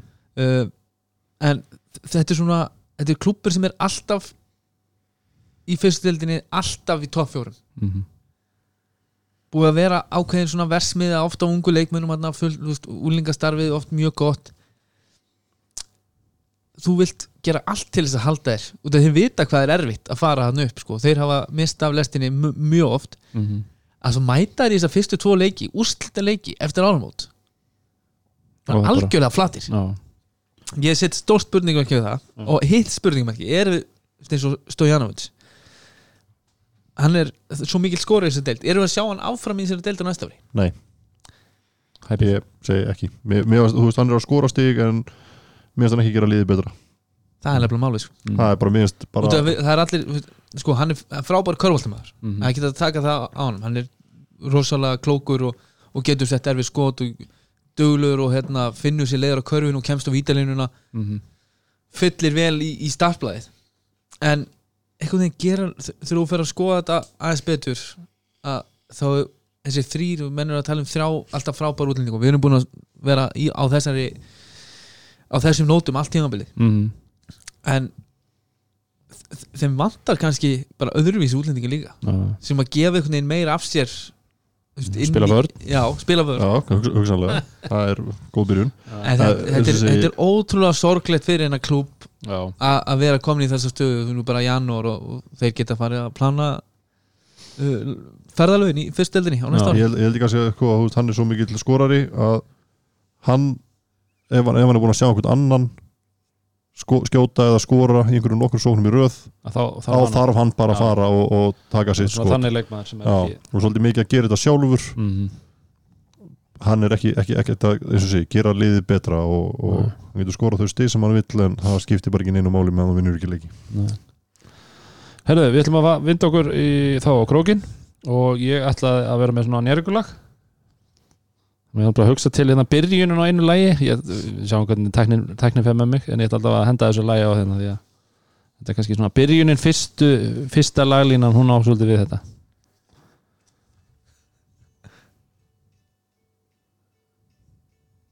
Nei, þetta er eitthvað, er eitthvað að stríða með þetta tæknin. Ég kem með þetta smá, ég kem svo en við erum alltaf að Þetta þetta er ekki tengdur á bluetoothinu? Nei, það er eitthvað, það er eitthvað klikkað. Þú verður bara að taka lagi Já, ég get alveg gett það. Uh, Allavega, það var leikur á Söðakrúki Tindastóll Njarvík Já. 91-80 lokastaða Já. Og þetta var uh, Við heyrðum það á 15. skvöldið að lið gætu ekki unni leik ef að lið á móti en tak, tekur 23 sónafrákust Það er exakt. Njarvíkar sögðu hold my beer. Já, tóku 24 sónafrákust og skoruðu 14 stig út úr þessum 24 sónafrákustum já, Þannig vinnur ekki leiki með að taka svona nei En sko sér það, Njarvíkinn taka sko, þeir, þeir vinna frákastabaratunum með þremur. Þeir taka 24 sónfrákust mm þeir taka líka 20 fleiri skotum í, í, í, í, í leiknum. -hmm. þeir taka fleiri víti og taka 20 fleiri skot. 81 skot á móti 61 uh, en framlægið þeir tapa því hins vegar með 40 Mm -hmm. Það er bara þannig í körubólta að, að þegar boltinn fer ekki ón í hringina þá er mjög eftir að vinna Mhm. og það var svolítið hérna uh, það sem var í gangi hjá njárvíkjusleik sko, mér fannst þeir byrja þú veist, executionið í byrjun var ekkit al slæmt þeir voru í basli varnarlega allan leikin Mhm. uh, og þeir byrja á að fá fullt af þú veist, við vorum alveg að fá fín lúk en bara boltin var ekki að fara onni Nei. Nei. uh, en svo þegar svona stólarnir setja í smá aukagýr og stólarnir fóru á að taka rönn og voru, voru hérna stela boltanum og Njarvík voru seinni tilbaka og voru að leggja henni og byggja upp smá fórustu að þá fannst mér veist, og þetta er Njarvík ekki búin að vera kannski í mörgum svona tætt leikjum núna undanfarið og þeir fóru þar gjössanlega út úr öllu sem þeir voru að gera Mhm. Þeir voru að taka mjög illa ígrundu skot mjög, mikið að flýta sér og ætlaði að fara að svara öllu 1-2 og bingo og það bara gekk enga veginn upp. Og þeir töpuðu þessum leik bara í fyrirleik. En kredit á, á, á stólana eftir, eftir, eftir hérna, mjög erfiðan leik í Keflavík Mhm. án Bílits að þá kemur höfust til dæmis Jaka Brodnik Geggjaður. leikur hjá GAM skilur við, Það er bara sama hvar hann var og sama hvernig var, hver var dekkan það skipti ekki máli, hann var að fara að setja hann í grillaður. Mhm. Hörkuleikur sjö Simmons af sjö í tveggjastega Simmons með svakaleg já, Simmons var alltaf bara frábær alveg eins og hann var í ljónagrefinni Mhm. og, og það er eitthvað, það er eitthvað, það er keflækublóð í honum. Simmons já, spilar alltaf vel á móti Njarvík þú veist hann er gýra sig, sig ekstra upp. Já. þessi sko skjóta 10 af 17 og veist með 8 fiska villur og það veist, hann var bara frábær í þessu leik Geggjaður.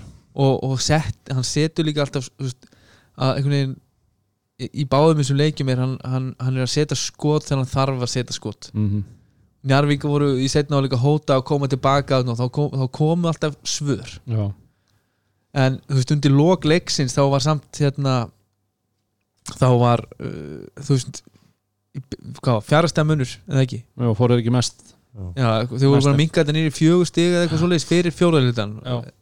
og svo, svo var þetta búið að vera svona ja- jafnræði en Njarvík náði einhvern veginn ekki þú veist, þeir náði svona setni hlutan í þriðaðluta Mhm. kom, kom, komu sér í gang og minguðu munin uh, en svo fór aftur svona allt í stopp sóknarlega Mhm. en hinum einum vellinu hverjir voru að skora þessa þrista hann út af þeir skoruðu sko nánast engungu þrista í fjóraðluta Mhm. Að þetta er Friðrik og Helgi. Helgi og svaka. Þú veist, ég, svaka þyrstur í honum. Þetta er svona eiginlega þannig að þarna Njarvík að gera allt sem sem þeir geta til að koma tilbaka. Og, mör, og líka varnarlega búin að spila kannski á þá sem að þeir myndu helst vilja taka skoti Já, og, svo þú veist- svara þeir bara og setja, Og og þá bara fá þeir bara fullt kredit og til hann mikið með sigurinn tindastól Já, akkurat. Það var, það var, Þetta var svolítið, svolítið the face. Já, að fá þessi, þessi skot sko. Hérna uh, bara svona um, um Njarvíkur liðið eins og við erum að sjá það í dag og við erum náttúrulega þetta er nýtt lið svo sem en Njarvíkur var tíðrætt um, um sigurgöngu sína. Mm -hmm. þessa sjö leiki sem þeir töpuðu ekki. Og meðan þeir fóru þessa sjö leiki tablösa þá segjum við, ef að segja það að þeir hafi verið með tvö stór test á þessum tíma þeir fóru í kárheimilið og unnu þar, Já. Vel gert. Þeir mæta kepla ekki byggarnum á heimaðalli mm -hmm. fjall á því prófi, Mm voru bara slagir og tapa. -hmm. það eru þessir leikir sem að lið sem er að frýna titilin vill vinna. Hini leikinir eru valur úti þrótaða lið vals. Mm -hmm. Þóra Akureyri versti leikur þeirra á tímabilinu þeir tapa með 60 Já, uh, Haukar heima sem er bara leikur sem að lið sem ætlar að vinna titilin á að vinna. Já, svo þetta er núna. Fjölnir úti, gefist tvö stygg Þór Þorlásöfn heima. Síðasta leikur í jól þar sem að Vincent Bailey var eini maðurinn og Þór sem mætti leikin og svo í er heima. Voru hræðilegir. Heima að vinna. Ég er bara að segja, þú veist þeir fengur tvö test. Þetta er þriða testi sem þeir fá. Fara norður og þeir tapa og nú kemur test. Nú kemur test, annað og kemur nú test. kemur risatest. Þannig að þú veist frábært að vinna sjöleiki rauðisari dild, algjörlega. Mm ég er ekki að draga því. Nei, nei, nei, nei. ég er að segja bara, þú veist, en það eru leikir hann sem þú átt að vinna. Mm -hmm. ef þú ætlar að gera eitthvað í þessari deild. Svo eru leikir sem að þú þarft að vinna til að gera eitthvað í þessari deild. Mhm. þeir eru kannski búin að falla á þeim prófum. Já, allavega svona núna eða, þú já, það ég, ég, ég, ég, þú veist, ég er ekki, ég er ekki að, bara, þú veist, Segðu verður það að, setja það svolítið í samhengi? Já, ég er saman, er algjörlega, bara- algjörlega. Eh, það, er- það er alveg klárt að, að svona eftir, eftir IR Mhm. sem, að, sem er fyrstileikur í, í fyrst, fyrir umferð og setni umferð fyrir Njarvík Mhm. að þá eru næstu þrý fjóri leikindi sem þau töpuð hana, fjórum, Mhm. fimm í röð. Já, að þetta eru þetta er erfiðara prógram held, heldur en það sem kemur eftir á. Og, og hérna klárt markmið njarvíkulisins og eins og- einar sa, sagði þetta nú bara eftir í viðtali eftir hérna íjarleikin að þeir séu núna að fara inn í leikjaprógram þar sem þeir töpuðu öll, á móti öllum þessum liðum í fyrrumfyrinni Mhm. og leikilatri væri náttúrulega að ná í fleiri sigur núna í þessum næstu fjóru leikjum eftir íjarleikin Já, uh, þeir byrja að tapa á móti tindastól. Allt í góðu, þú veist. Nei, það er ekki allt í góðu. Þú tapaðir. Ég ætla ekki að, ætla ekki að stressa mig allt og mikið strax. Nei, Þú þú- þú ert að fara á móti tindastól. Bilits er ekki með sem er búin að vera þeirra besti leikmaður. En þeir fengu svakalegt framlega Já, frá, frá, frá, frá Simmons þeir fengu geggjaðan leik frá Brotnik Já, þeir fengu frábæran En leik þess- frá Pétri. En að samanskapi hvað gerist í nærvíkuliðinu? Leikmenn sem þú ætlast til að eigi leik þeir gera það ekki. Chess Magic 7 og 19. núna sko. Tjass var einhvern veginn að skjóta meira heldur en hann, hann hefur verið að gera svona sérstaklega framan af. Mhm. og, og það gekk ekkit upp og, og Magic Baginski var arfarslagur í þessu leik. Og bara, þú veist, bara áframhald því miður af því, Já, það búið að vera svolítið. Eins og við segjum, hann- við vorum að tala um það henni síðustu viku og hann var með 31 í pluss og meðan hann skoraði þrjú stygg en, en Hann sko, þá, þá var hann alltaf að skjóta sko. Nei, nei. en núna er hann bara 0 af 8 Mhm. og þú var einhvern veginn að reyna að skjóta sig í gang hérna, sérstaklega í byrjun setnáleiks og, og þetta ba- þetta batnaði um leið og, og, og Kitty Palla kom aftur inn Mhm. og hann fór að setja niður þessi, þessi skot hérna, spottu upp þryggjastaskot sem, sem hann var að vera að búa til fyrir kantmennina Njarvíkin áttu klálega bara oft dag Já, algjörlega og, og, og hérna það eru fleiri liði sem del sem eru búin að eiga oft dag. Já, algjörlega, algjörlega. Já, þannig að- að ég, eh, sem ég segi, þú veist jú, það er hægt að segja að hafi allir þessi hinni leikið sem skildu sigrar Ég er að segja að þeir eru skildur sig fyrir liði sem ætlar að vera content Já. Já. Ég er að segja að þú veist eins og En ég er að segja að þetta ke- líka bara- Keflavík fyrir þólasum og tapar. Já. Það var bara fáranlegt, þú veist, þeir eiga að gera það eins og þeir eru búin að spila. Það móti haugum, vilka ekki með. Svo sem hægt að segja að þú veist, þú veist bara stærsta púsli í deildinni Mhm. er ekki með þeim leik þú tapa honum. Öðru leiti eru þau búin að vera að vinna þessa leiki. Móti þessum liðum. En svo tókum við að horfa á tindastól sem við töluðum um lengi við erum að vera tala þeir eru upp og niður. Það er einmitt búið að vera vandamáli með þá. Þegar þeir eru að fara á flug þá tapa þeir í valsemilinu þeir eru að fara á en stað samt me, meir og minna all, allt sem sagt allan fyrirhlutan vorum við á því að liði til að vinna væri tindastól þangað til í svona síðustu tveimur umfyrir fyrir jóla Já. þá, þá hérna hann breytist þá breytist þetta örlíti þannig að það er ekki svo langt síðan að tindastól var liði sem við sögum að vera bestir. Samt voru þeir búin að eiga ofta á múti val. Mhm. og þeir eru búin að annan ofta Já, já. en uh, þeir eru ekki búin að styrkja sér neitt? Tindastóll? Nei. Nei. Þú veist, þeir eru búin að ná inn að gækir, hann er ekki komið leikheimild Já. það er eitthvað staðar í pósti hérna eitthvað staðar yfir landinu. Lagði yfir landinu, það kemur ekkert Já. Þannig að En þetta er klárt, það er klárt mál að, að Njárvík er núna í ringamiðunni af þessu stóra testi sínu. Það er Já, sem sagt, já. það er klárt það þú er þessi leikur. það er Keflavík, svo Grindavík. Svo stjarnan. Svo Stjarnan.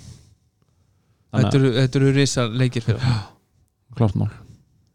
En, en þú veist, við viljum bara líka þeir þurfa meira eins og, eins og það sem að kannski þú horfir og, og statti og fyrir að rýna þess í þetta Mhm. að þá sérðu að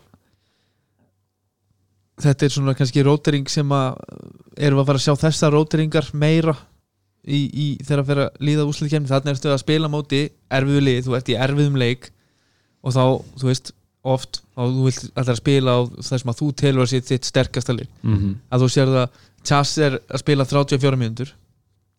Tevin er, fær hann 15 mínútur er svona einhvern veginn að komast inn. Tekur sjö þryggjast sko á þessum tekur 7 þryggjastu skott setur 3 Já. uh, Kitty 25 en þú sér að Óli Helgi er bara hann 11, Jónarnur 12 Árimassi 28 Logi 19, Matic 23 ár Mario 31 og Mario náttúrulega eini maðurinn sem var einhvern veginn með meðautund sko. Mhm. bara geggjaður eins og hann er búin að vera já en, en hérna. hérna langt besti maður njörgulisins í vetur Já, algjör yfirbyrðis þar svona búin að vera já, Það að sem gerist- það sem gerist er vandamálið og áhyggjuefnið er að þegar njárvingulið er að spila mótið þessum sterkarliðum að þá eiga rullu spilararnir það til að hverfa. Mm. Já, þú þarft alltaf eitt svoleiðis í svona leikjum til að eiga einhvern leik. Í sammála það, því. það er bara klárt.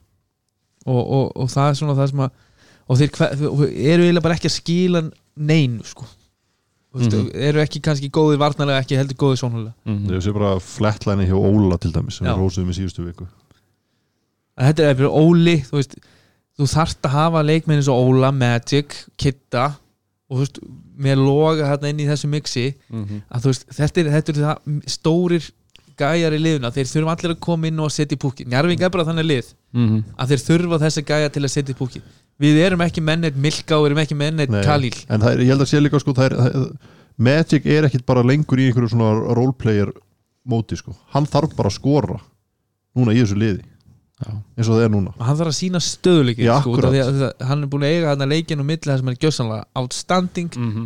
en þú veist og allt í góðu og þegar, þegar, þegar að hérna, þegar að liðið er að spila eins vel og þeir voru að gera mútið í er og Magic dettur í það að skora bara þrjú stig en, en síni samt að Njarvíkur lifa betra með hann inn á Mm. þú veist gott að blessa Mm. en það er ekki þannig í þessum leik Nei í þessum leik er hann 0 af 8 og er einhvern veginn að reyna að koma sér í gang fyrir utan þryggjastilínuna og það bara gengur ekki upp Mhm. hann verður að verða svo leikmaður að þegar á móti blæs og þú lendir í vesinni er núna þarf ég að stíga upp og sína ábyrð mm. Rétt. Þeir geta ekki bara treyst á, á Chess og Mario í því skilur Nei, nei. Og eða Nei, bara útlendingana út af að við erum ekki með þannig útlendinga sem eru, þú veist, þeir eru, þeir eru góðir leikmenn en þetta eru samt engar overhedjur, þeir þurfa samt gott, góðan íslenskan sér sem að kemur og skilar ykkur í púkin Þess vegna, þú veist, fyrir aftur í það. Þessi ákvörun með að taka þessa tvo útlendinga versus það að taka bara einn hörku leikmann. Einhverju segja það bara að markaðurinn sé bara þannig núna að það sé ekki til af svona leikmannum veit það ekki, það er bara gæti svo sem vel verið. En það hefði verið er það, en það hefði verið ædíl fyrir Njarvík Já, að finna, að finna einn Dominika Smilka í staðin fyrir að vera með tvo já, já, já. og þú veist, auðvitað hefði það verið ideal Mm. mm. og ég, ég, ég, ég eiginlega trú ekki öðru að það hafi verið skoðað til hins ítrasta Já, já að reyna að finna auðvitað sem bestan leikmann til að spila algjörlega stóra Ég er- ég- 30 ég- mínútur í, í veist, 5 sko. ég er ekkert ekkert að setja út á neitt eða eitthvað svoleiðis en þú veist, það hefði verið það sem Njarvík þurfti sáum hann árimassi í síðasta leik hitta vel og, og, og skila góðu, góðu verki sko. en þessum leik er hann ekki að gera það vonandi sjá hann í næ, næstu leikjum Já, það, er bara ekki, þú færð ekkert stærra próf fyrir, fyrir hérna, hérna Majáskas mm. heldur hann að mæta í ljónagrifina í El Clasico klukkan 8 á 15 sköldi og brjálað fjör og, og stútfyllt hús. Mm ég segi, þa þa þarna sjáum við bara úr hverju menn eru gerðir. Algjörlega. Og, og njárvingingandir kom búin að tapa tvérsta fyrir keflagi veitur þeir hljóta að mæta fróðufellandi í þennan leik og, og ég trú ekki öðru en að leikmennin svo Baginski góðu vinnu minn að hann mæti í þennan leik og segi, herru, bara sorry með mig Mhm. ég ætla að rífa mig í gang og taka pólska undrið og, og sína ykkur úr hverju ég gerð ég líka að sko að þú veist þegar maður var sjálfur að fara inn í svona viku þar sem maður var keflaðið Njarvík mm þá var maður bara e, þegar leikurum var búinn í umferðinu undan þá var maður bara farin að bara, getur hann ekki ekki spila bara núna? Þetta ég, var bara- ég, ég, ég, ég var mjög hérna, á meðan leikunum var í gangi og var ekki sáttu við þessa spilamennsku hjá mínum mönnum. Þegar þetta var svona soft og menn voru fljótir að fara út úr hlutunum og, og, og annað slíkt.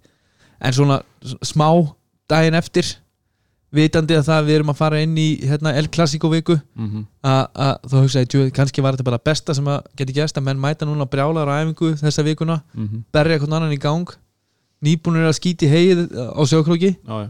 og, og, og koma hérna eins og særð ljón, ekki?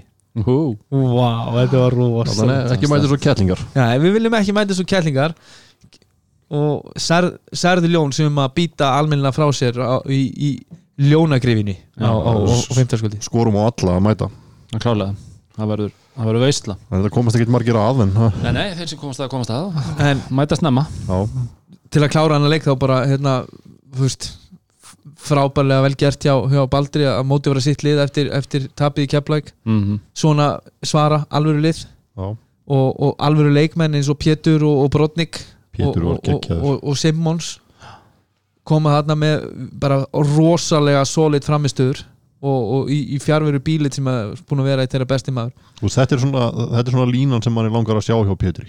Já. 1777 Þetta er svona eitthvað áttina Já, þú sjáu líka svo sem viðar veist, hann er með tvö stig og þú tapar leiknum þessum 17 myndum með mínus 8 en veist, hann er samt alltaf að veist, hann er samt óþægilegu varnamæður sko. Veist, Mhm. hann, hann, hann hefur áhrif á leikin þannig að Hannes með tvo góða þrista líka.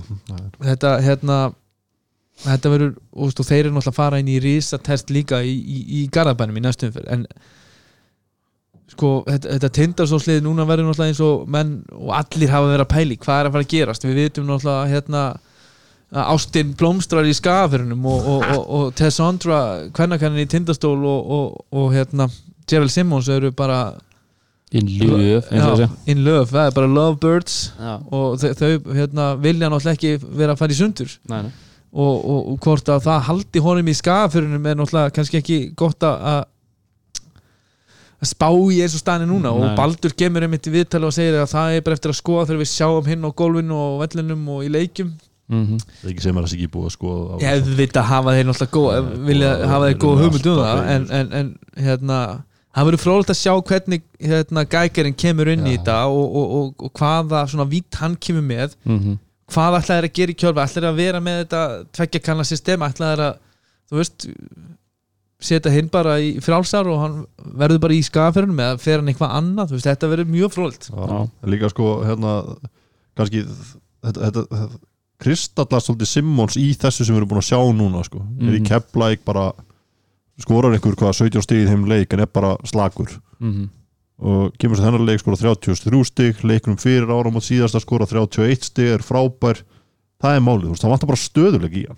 Ef hann verið búin að sína stöðuleika í gennum mótið þá væru þeir ekkert með gækirinn á kantinum skilur þá Nei, væru nei. þeir bara að fara með þennan gæja. Já, þú veist, en, en, þú veist, hann er búin að sína að hann getur verið góður undir, undir pressu alveg eins og hann gerði á móti var Já, þetta er frábær leikmaður, það er ekkert- þegar hann hérna, fingaði framlengingunni í þeim leik. Já.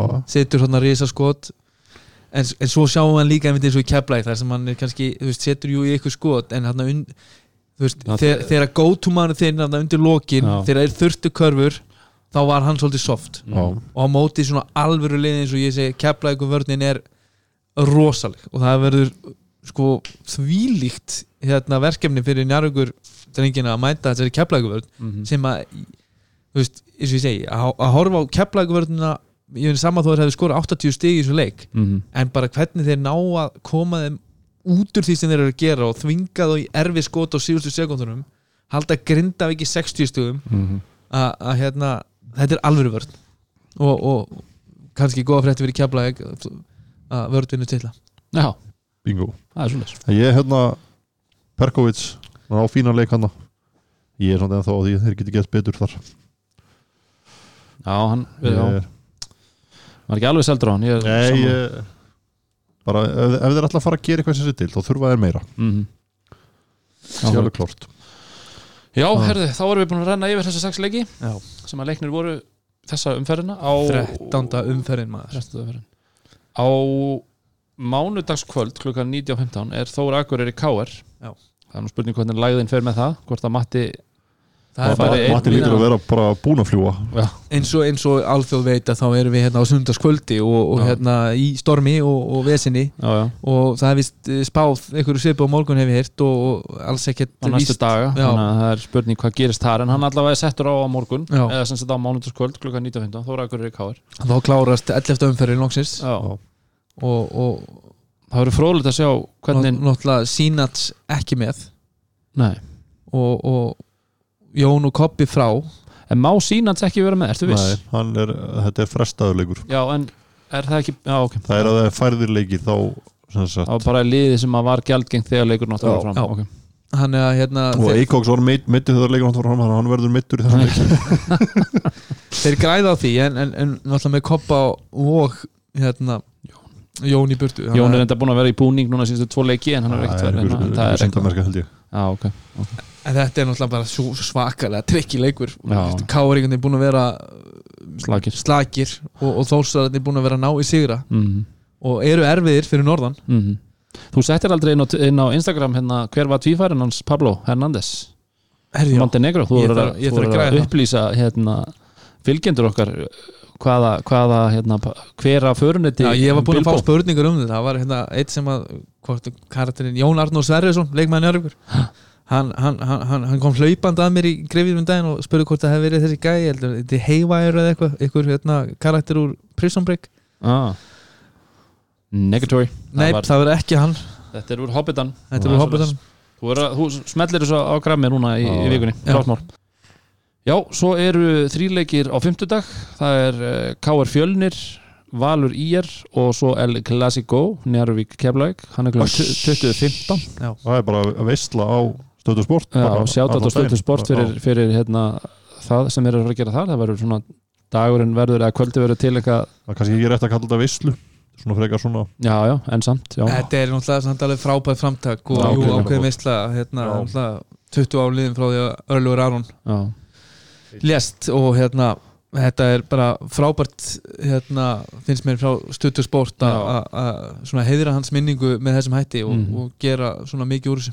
Já, algjörlega. Og það verður síndur sem sagt uh, leikur síðan 99 Já. veturinn 99, örgulega í desember Njarvík Keflavík. Já, þetta var sem sagt síðasti njárfi keflægleikunni sem að Ölli spilaði. Já, og hérna og svo er náttúrulega Njarvík Keflavík uh, kl. 20.15 og svo eftir leik verður sínd heimildamindina Skarðas uh, Ölli Já. hún er uh, fyrir þá sem ekki hafa séð hana það bara, þið Must verður að see. sjá hana Já, þetta er must see. Körubólta fjölskyldan uh, bara þarf að sjá þessa bíómynd, það Algjörlega. er bara þannig öðlingur þessi maður uh, blessu sem minning hans uh, á föstu daginn eru tveir leiki klúan hálf sjö það er Þór Akureyri, Þór Þorlókshöfn og Grindavík Haukar og svo er það klukkan kortir yfir átta uh, stjarnan tindastóll það er leikir Þetta, svaka, svakalega umferð eins og Svakalega allar umferð. umferð Þessi, Já. við erum náttúrulega hérna núna búið með 13 umferðir og 14. umferðin eh, hefst í vikunni mm -hmm. og þetta er að vera svo spennandi sko. ég bara get ekki beðið eftir þessar umferð þetta er svo margir stórir svona mikilvægleikir sko. Mm -hmm. það er svo, er svo, það, þú ert að fara að svara spurningum Njarvík á móti Keflæk þú, þú með tindastól á móti og að mæta í, stu, í, stu, í hérna Garabæn þú ert með Haukar og Grindæk sem er að berast á samastað þú ert með Þór Akureyri sem að gæti fara að kroppa hérna aðeins lengra. Mm -hmm. tala nú ekki með ef þeir ná- að þú veist, það er svo margir rosalega hérna, spennandi leikir og, og við vonandi náum að hérna, hita upp vel fyrir þessum umferð setna í vikunni. Já, Já við, það, er, er stefnun okkur að henda þætti með, með hérna spá eða svona pælingum um, um þessa frábæra umferð. En hvernig haldið þið að Þóra er í káir? Ég eh, það er henda því á hann Hvernig haldið þið að svo leikur fari svo lengi sem hafa leikin á morgun? Má ég heyra? Tölur? þetta verður hérna, þetta er tryggilegur Já Hvað er göttið að segja? sko, bara Göttið segir mér að, að, að við séum að fara að sjá enn en einn óvæntan sko. Já, ég veit það ekki sko, Það er ég, ég gýrin hljóaði ykkur Maður er var ég ekki, var var að hlæja ykkur með þegar þeir sögur að, að, hérna, myndi vinna káringuna að að þú veist, maður bara á ekki vona á því að þeir mæti andlusir í hvert leikin og fættur öðrum. Nei. Að hérna, þeir get ekki svona snúið bögum saman og, og spennt sér frá botninum og, og, og sínt almennilega spilamennsku. En að þurfa að fara hérna á Akkurir og sérstaklega Akkurir búin að að gera vel Já, að þá er þetta, þú veist, þetta er rosalega ég, ef ég þyrfti að veðja á þetta þá myndi ég öruglega setja á KS sko, bara svona af svona einhvern veginn virðingu við það sem að leikmennir hafa gert, sem eru á, á skýslu hafa gert. En, en hrikalega hættulegu leikur. Algjörlega. Ég segi einn. Þú setur einn á þetta? Gunni, þú ert okkar og Nostradamus. Nostradamus. Ég, ég held að ég er svolítið á því að káringarnir þeir láta það ekki gerast að þeir tapi fyrir norðan. Ekki uh, no disrespect fyrir þósarana en ég held samt að káar taki hennar leik svo lengi sem þið komast það er náttúrulega eins og sé lægðirnar skella hér á landi alveg í, í belg og byðu Herðu, en uh, við erum þá tæmdir í dag. Við erum tæmdir, já. Virkilega gaman að vera með ykkur. Það var eitt reyndar sem við áttum að gera sem ég var næstu búin að glema hver er White Fox varmaði vikunar? Herru, White Fox uh, varamæði vikunar Það er heiður sem að við ætlum að henda beint í Garabæn Já, og það er okkar smaður Gunnar. Nýjasti meðlumur Gunnar Ólafsson. Gunnar Ólafsson. sögðu á Spáni. Gunnar. Þetta er þétt, þétt lína hjá honum. Hann er, uh, hvar finn ég hana? Hann var hann ekki með 15 mínútur Voru við ekki þar? Pappisvinnar hérna að fara með okkur Dóri búin að klósa svo mikið maður. Hann 18 spilar 18 18 24 18 mínútur og 24 sekundur Já, hann er með 5 á 6 í tveggja 0 á 3 í tryggja 5 á 9 í skotum 4 á 5 í vítum Tvær stóðsendingar. Fín lína, flott lína Já, já. hjá- fyrir mann sem kemur inn á það voru- eitthvað flugveldasýningar á Nei, bekkjunum nei, en engin, nei, nákvæmlega, ekki eins og síðast Nei. Er engin með 39 framlagspunta á bekknum Það var svolítið Já. og just that.